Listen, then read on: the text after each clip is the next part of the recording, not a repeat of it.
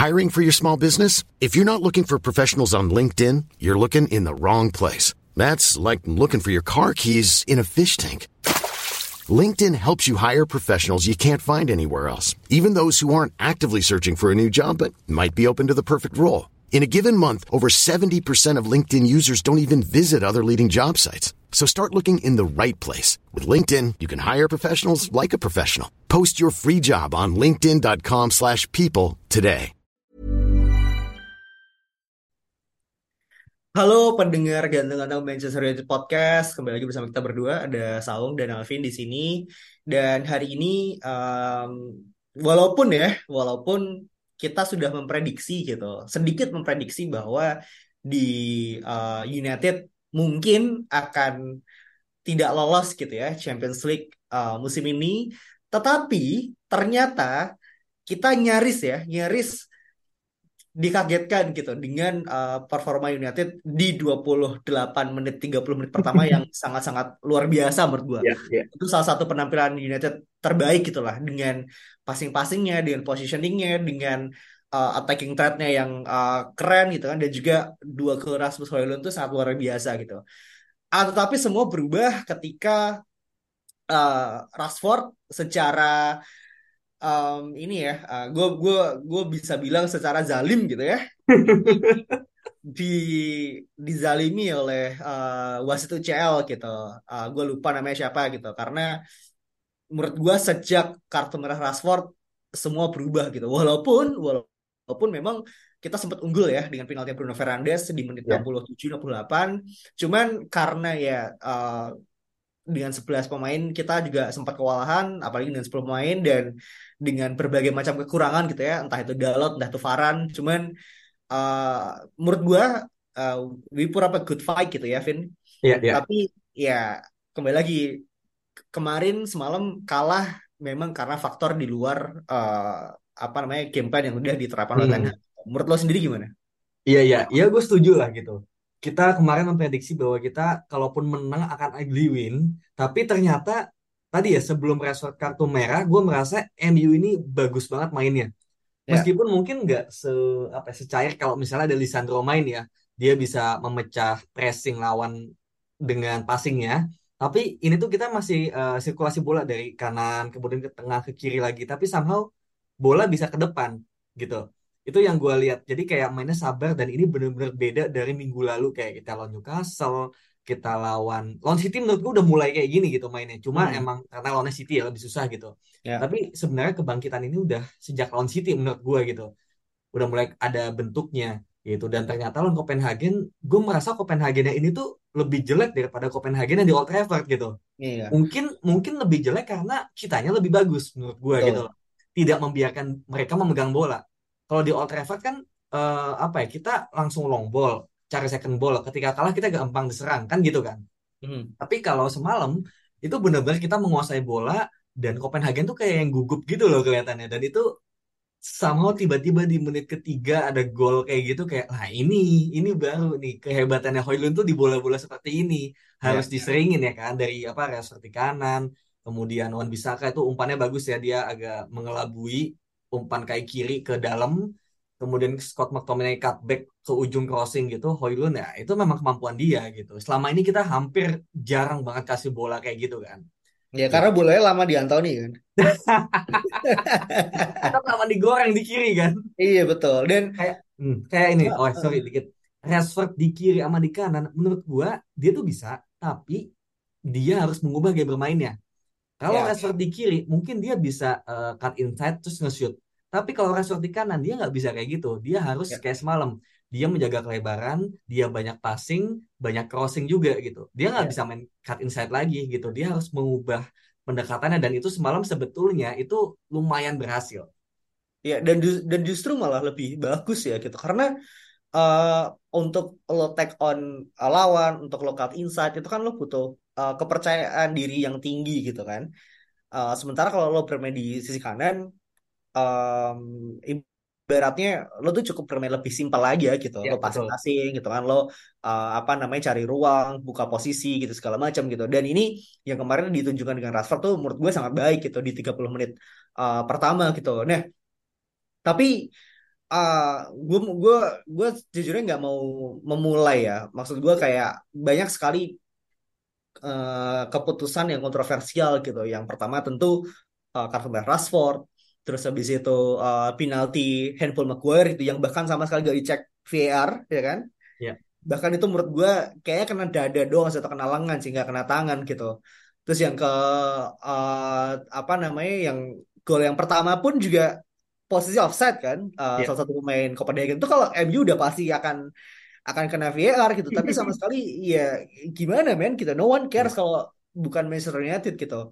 Ya. nah cuman uh, salah satu hal yang menarik ketika line up keluar itu adalah ketiadaan uh, Rafael Varane kan?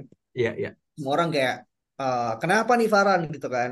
Ada masalah apa dia sama Ten Hag? Gitu. Kenapa uh, Maguire Evans terus yang dimainkan? Gitu. Cuman justru ketika Evans cedera gitu dan Varane masuk gua tahu kenapa Ten Hag gak beli Varane men Mm, mm, mm, mm. ya kan Iya, iya, iya, iya. jadi masalahnya bukan karena Varane ada masalah atau isu personal dengan Ten Hag gitu cuman memang berarti ketika latihan ya dia memang nggak cukup bagus gitu Iya. dan Johnny Evans ya uh, lo harus akuin bahwa kayak selama beberapa match terakhir dia bisa menerapkan uh, apa yang Ten Hag mau gitu kan dan Betul. ini yang yang Varane nggak bisa replicate gitu ketika Mm. Maguire on perform ya harus ada satu pemain yang bisa menggantikan posisi Lisandro Martinez kan untuk ball carrying Hmm. untuk passing uh, apa namanya bola segala macam dan itu Rafael Varane nggak bisa melakukan hal itu gitu dan ternyata Johnny Evans gitu Iya. makanya ketika Johnny Evans cedera ya ya menurut gue everything went downhill sih Hmm, iya iya benar-benar kayak ya gue juga di awal kan gue nge-tweet juga ya bahwa gue kaget gak ada Varane, gak ada Mason Mount gitu, tapi malah Johnny Evans lagi gitu. Dan ternyata memang apa ya?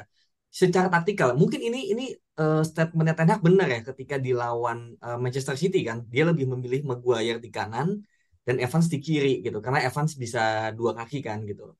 Nah, di situ dia bilang adalah masalah taktikal. Dan kemarin lawan Fulham juga masalah eh, dia bilang sih kebugaran ya. Tapi kalau kemarin gitu, kayaknya gini, kayaknya memang Ten Hag ini berusaha menjaga Varane juga, nggak mau kejadian Sancho terulang gitu. Kayak di Sancho itu kan kayak Ten Hag sebenarnya jujur kan kayak ini Sancho bukannya jelek tapi performa di latihan lagi nggak bagus. Ya. Nah mungkin Varane bukannya nggak bagus latihannya, gue yakin dia profesional. Tapi somehow eh Varane ini benar yang lu bilang dia nggak bisa melakukan apa yang Ten Hag inginkan menjadi back yang memulai serangan dari belakang gitu. Jadinya dia memilih memainkan Evans yang ternyata lebih bisa gitu. Nah, cuma kan nggak mungkin ya dibilang di media, ya eh, ini masalah Ya. taktikal lagi atau masalah eh, kecocokan bermain. Nanti kan media mulai, emang Varane nggak cocok main buat MU. Nah, itu bisa bermasalah lagi kan gitu. Jadi akhirnya dibilang bahwa Varane ini eh, kebugaran. Nah, cuma masalahnya yang bikin aneh, ketika Evan cedera, kalau masalahnya kebugaran, kenapa lu nggak mainin Lin- Lindelof kan? Kalau emang Varane Ya. sakit kan? Tapi ternyata yang dimasukin malah Varane gitu. Berarti kan bukan kebugaran yang bermasalah, tapi memang taktikal. Dan kalau memang ketika Evans keluar dan yang dimasukin Lindelof, ini Varane berarti ada personalnya isu ya. gitu iya berarti ada isu kan Iya, personal pasti makin makin gak enak gitu kalau misalnya Betul. dimainin Lindelof kan. Jadi mungkin enak juga menjaga mood itu gitu. Sebenarnya Varane juga nggak sejelek itu ya gitu sebelum kartu merah, tapi once kartu merah ya semua berantakan bahkan sampai puncaknya ya di gol ke berapa keempat ya. Itu itu konyol sih kayak back sekelas Varane seenggak bisa nggak bisanya passing atau long pass seenggak nyaman nggak nyaman ya itu lu nggak bisa umpan begitu gitu. Itu umpan amatir banget gitu. Jadi mungkin memang ada hal yang lagi dia nggak nyaman ya entah eh, physically atau mentally juga. Ya ya, ya, ya.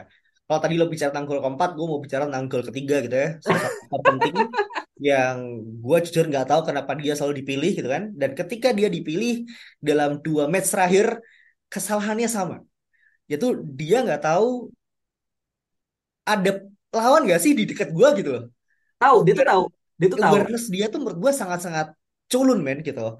Dan gue nggak tahu kenapa ketika lo punya back kiri gitu kan eh, lo ada Sergio Reguilon gitu kan di bench lo tetap mainin Diogo Dalot gitu yang ya udah how many mistakes gitu kenapa menurut lo kenapa kita harus kasih Dalot kesempatan lagi men gitu loh Ya, karena yang gue pernah bilang ya, download ini sebenarnya gitu, ini tuh kayak apa ya, kayak sulit, keputusan sulit. Karena secara kecocokan bermain, download itu udah sangat cocok dengan gaya bermain. Cuma masalahnya individual mistake-nya dia tuh banyak gitu loh.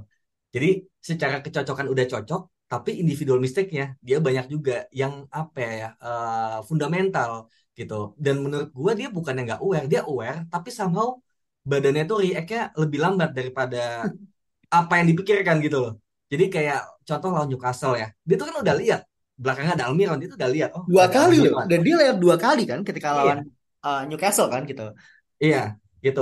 Eh, dia udah lihat ada Almiron, tapi dia nggak langsung nutup, dia ngehold gitu loh. Jadi kayak mungkin, mungkin dia mau nge- ngejaga offside line, mungkin ya gitu. Tapi ya itu berarti bad communication dan eh, apa ya kayak awareness-nya lagi dia udah lihat di belakangnya ada, tapi harusnya dia tetap ngeliat gitu loh.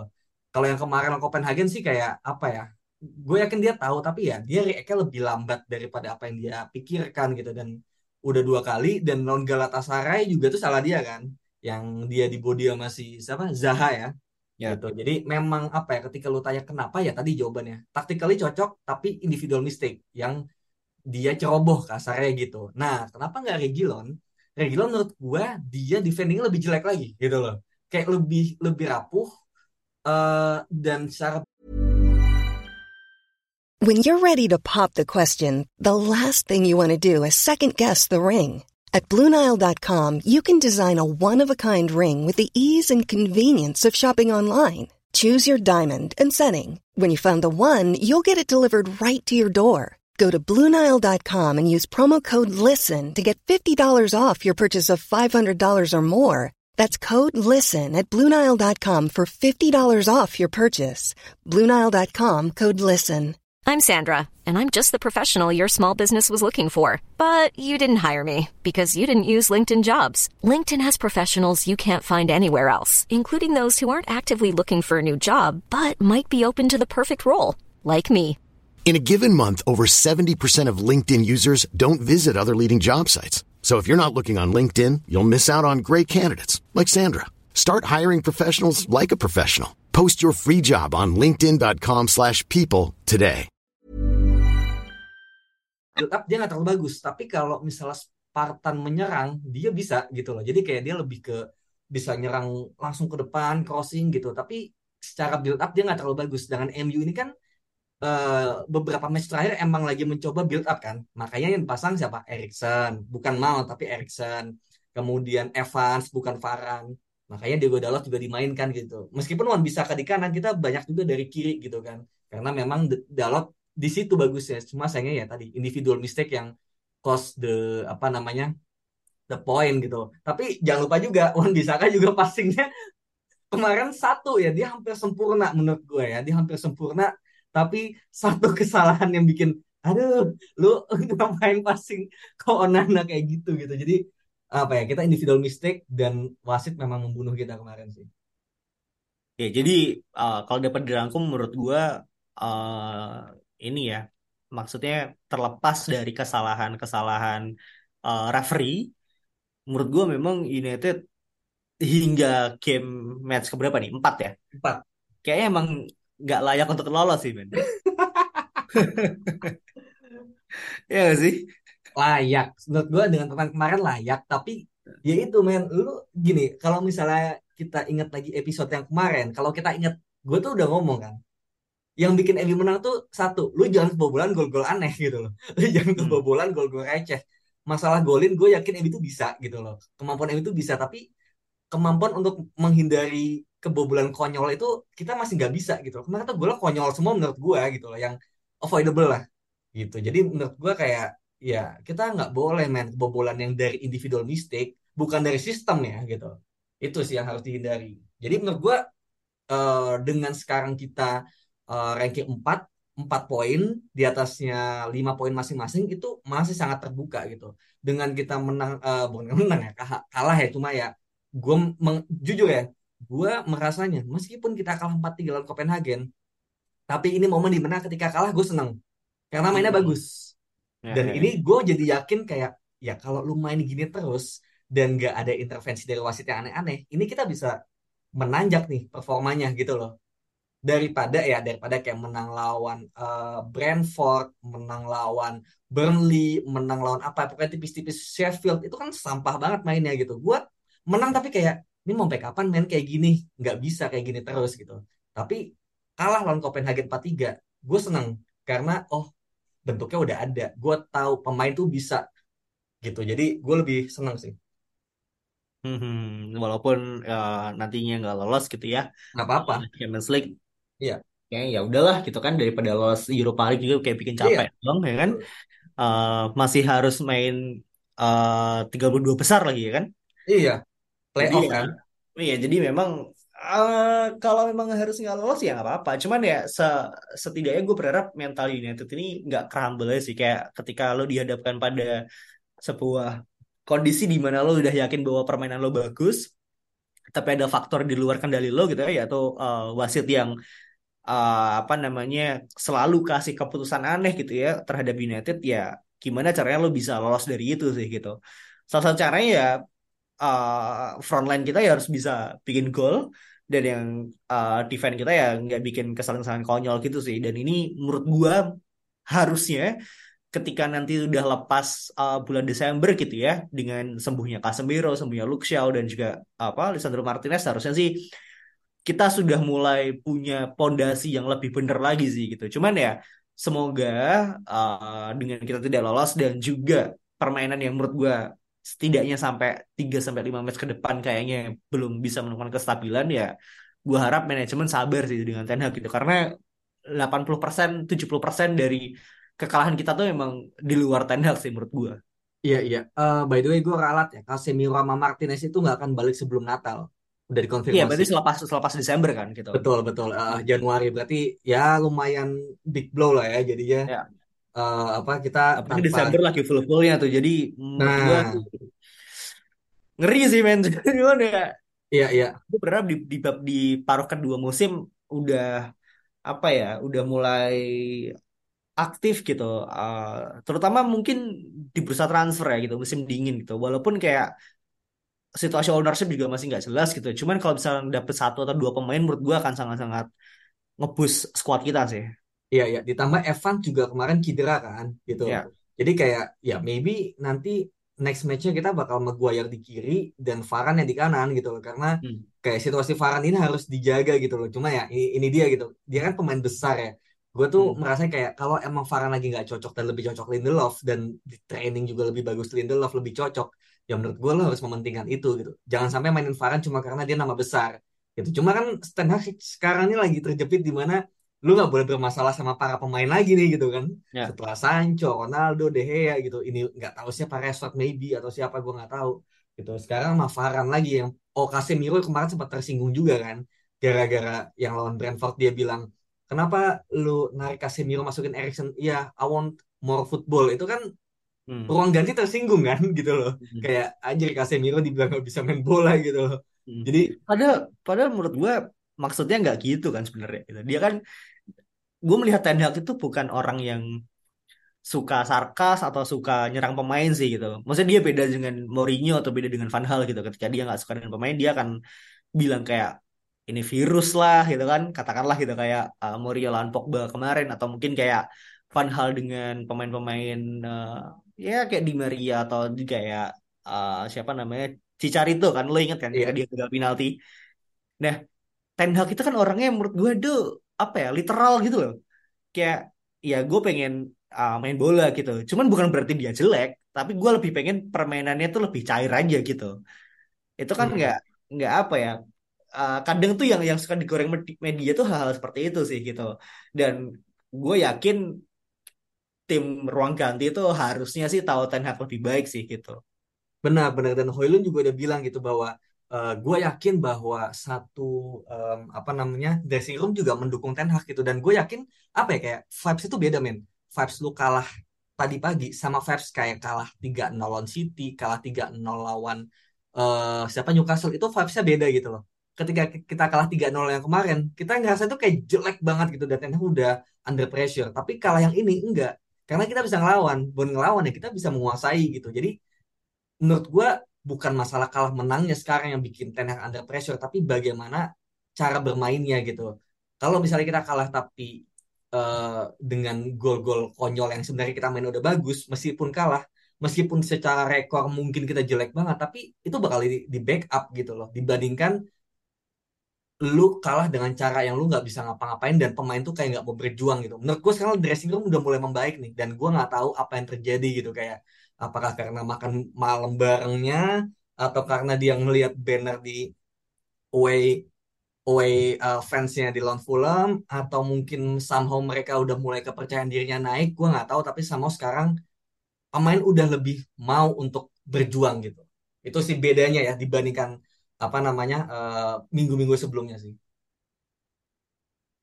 Ya, uh, hopefully pertandingan besok uh, lawan Luton ya. Nanti kita akan bahas lebih uh, detail lagi. Cuman di episode kali ini uh, tentu banyak sekali keluh kesah yang harus kita sampaikan gitu. Karena gila lo begadang di jam 3 pagi sampai jam 5 terus lo masih kerja besoknya pasti kan mumet juga ya bro.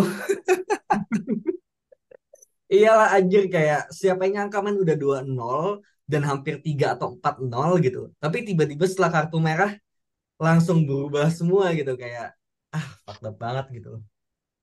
Ya ya ya ya ya. Yang jelas uh, pertandingan semalam mm, kita sepakat bahwa itu bukan salah Ten Hag lah, purely bukan salah Ten Hag gitu. Mungkin memang ada beberapa ke, uh, keputusan kayak harusnya siapa yang bermain atau siapa yang bermain, tapi menurut gue dengan apa yang kita keluhkan di episode-episode sebelumnya gitu bahwa kita ingin melihat uh, cara bermain yang jelas gitu kan, gaya permainan yang lebih uh, prominent menurut gue kemarin udah ditunjukkan dengan baik sih oleh Ten Hag dan juga para uh, pemain gitu. Cuman ya memang kembali lagi faktor-faktor di luar itu dan juga kedalaman squad yang menurut gue sangat rapuh dan juga apa ya mungkin mentalitas yang masih belum kuat kali ya gitu. Karena gue melihat banyak pemain yang eh banyak uh, akun-akun yang membandingkan dengan uh, pertandingan Newcastle lawan Liverpool ya pada saat uh, Van Dijk di kartu merah di iya. menit yeah. yang sama 28 tapi kan situasinya berbeda nih. Yang satu main di liga long run maraton. Yang satu stakesnya lebih tinggi itu Champions League kalau nggak kalau kalah ya lo nggak lolos gitu kan. Dan dengan keputusan yang sangat-sangat aneh menurut gue ya gue sih sama seperti yang lo bilang gue lebih bisa memaklumi pertandingan kemarin. Gue lebih seneng karena gue bisa looking forward nih kan di pertandingan lawan Luton besok. Permainannya harusnya akan sama gitu dengan apa yang gue lihat semalam sih. Iya, betul. Ya ya. Dan uh, apa ya? Mungkin teman-teman kalau misalnya ada sesuatu yang mau disampaikan atau dikeluh kesahkan gitu dan mungkin sudah melihat uh, cuitan kita tadi pagi dan ingin menambahkan hal apa aja yang mungkin uh, kita terlewat gitu ya. Uh, silahkan mention kita di akun Twitter @ggmu podcast dan uh, ya sampai jumpa di episode selanjutnya. Dadah. Mom deserves the best, and there's no better place to shop for Mother's Day than Whole Foods Market. They're your destination for unbeatable savings, from premium gifts to show-stopping flowers and irresistible desserts. Start by saving 33% with Prime on all body care and candles. Then get a 15-stem bunch of tulips for just $9.99 each with Prime. Round out Mom's menu with festive rosé, irresistible berry chantilly cake, and more special treats. Come celebrate Mother's Day at Whole Foods Market.